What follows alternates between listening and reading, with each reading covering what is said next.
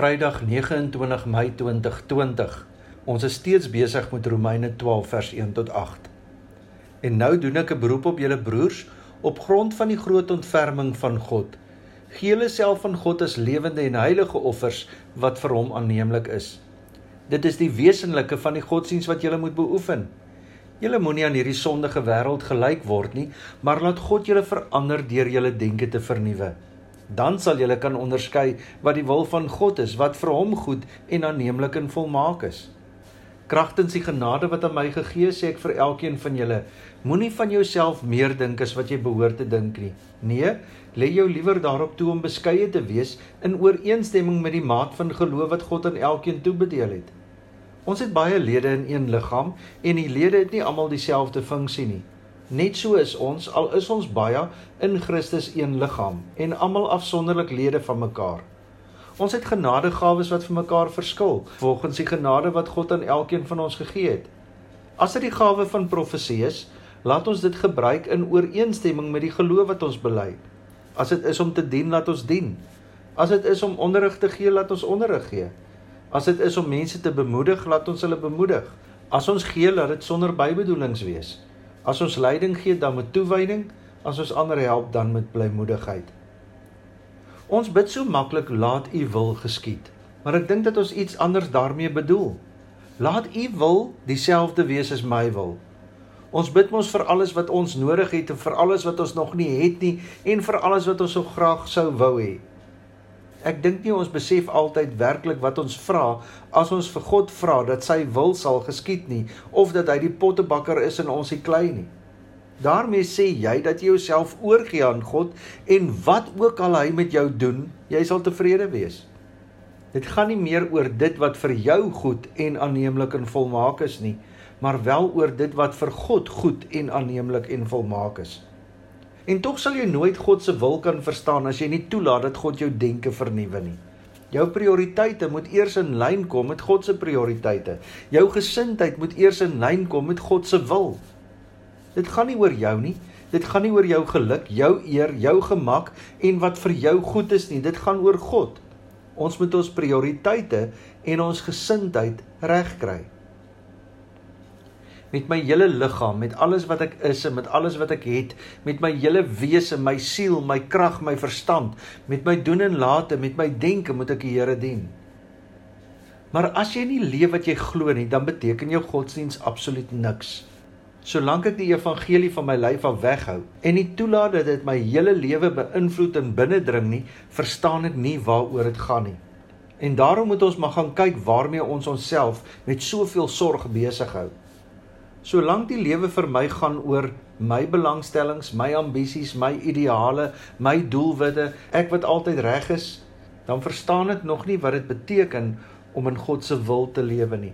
Hierdie COVID-19 het my nogal ernstig laat besin oor die manier hoe ons nog altyd dinge gedoen het. Geloof gaan oor baie meer as glo en kerk toe gaan. Dit gaan daaroor dat ek my eie wil ondergeskik stel aan God se wil. God word die rede vir my bestaan. Dit beteken dat my bestaan nie meer om myself mag draai nie, maar om God. Dat my werk, my gesin, my kinders, my skool, my bekommernisse, my lewensdrome, my huwelik, my wat ook al nie meer eerste in my lewe mag wees nie, maar wel God. Christene wat besef dat hulle hulle self aan God oorgegee het, besef dat godsdiens nie gaan oor hoe hulle deur die kerk bedien word nie, maar hoe hulle moet gaan bedien. Elke Christen word geroep om dienaar te wees. Christene moet die wêreld se nood raak sien, leer omgee, leer om hoop te bring en 'n verskil in ander mense se lewens te maak. 'n Kerk wat deur 'n predikant en 'n paar kerkraadslede in stand gehou word, was nog nooit 'n Bybelse visie vir die kerk nie. Elke lid van die liggaam is nodig om effektief te werk. 'n Baie snaakse vraag is ons die afgelope tyd nie juis gedwing om waarlik kerk te wees nie, nie net sonde aan kerkgeboue nie, maar elke dag almal ligdraers. God vra dat ons sal wegbeweeg van 'n kerk wat mense uitnooi om deel van ons te word en soos ons te word na 'n kerk wat die wêreld infiltreer en 'n verskil gaan maak in almal. Ons kry genadegawes. As dit is om te dien, laat ons dien. As dit is om onderrig te gee, laat ons dan onderrig gee. As dit is om mense te bemoedig, laat ons hulle bemoedig. As ons gee, laat dit sonder bybedoelings wees. As ons leiding gee, dan met toewyding. As ons ander help, dan met blymoedigheid. Ons moet God se verteenwoordigers wees. Hy gee vir ons sy gawes.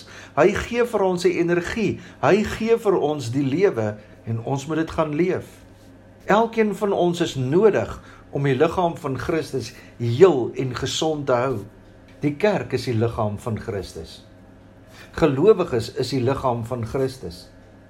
Is ek bereid om nie net meer 'n toeskouer te wees om op die kantlyn te staan en kritiek uit te spreek nie, maar eerder 'n deelnemer te word? Jou wil is nie God se wil nie. Wat is God se wil? Matteus 6 vers 10 leer ons om te bid. Laat U wil ook op die aarde geskied net soos in die hemel. Soos in die hemel. Die hemel is die ruimte waar God se wil volkome geskied, sonder teenstand, sonder vrae. Laat U wil geskied hier op aarde, hier in my lewe, net soos in die hemel. Here, in my lewe sonder teespraak. Wanneer ons na die wil van God vra, het dit die meeste van die tyd maar net met my eie worstel te doen. Maar is dit nou regtig 'n worsteling met God se wil of probeer ons eintlik maar net om God aan ons kant te kry om eintlik maar net ons eie wil te laat geskied? En daarom sê Romeine 12 vers 2: Laat God julle verander deur julle denke te vernuwe. Soek God se wil.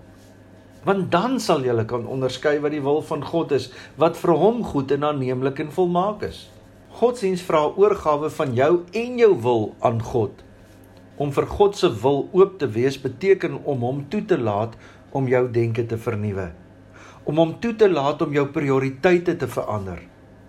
Ons moet onsself aan hom oorgee deur ons kop en ons hart en ons hande in sy hande te plaas. Dan sal hy ons denke kan vernuwe. Jy moet jouself eers totaal aan God oorgee en besef dat God in beheer is en dan kan jy mos toelaat dat hy jou denke vernuwe.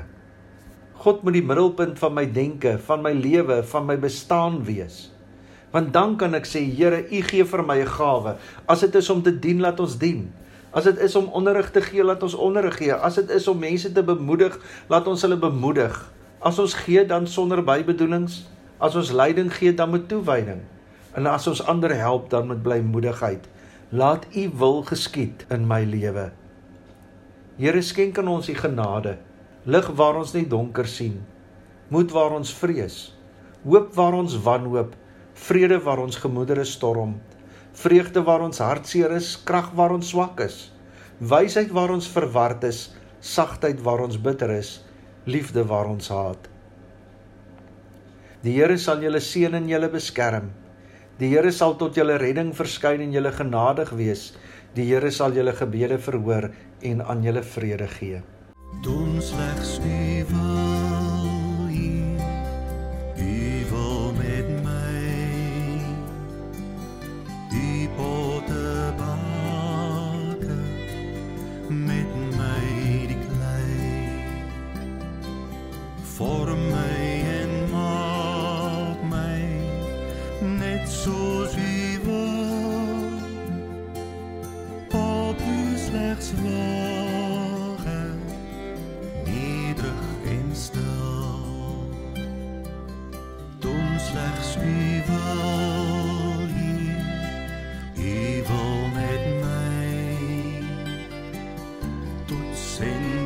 zoek mij, al moet ik lei. Wetter als nieuw hier, was mij vandaag. Lag aan uw voeten steeds waar. Doen slechts uw.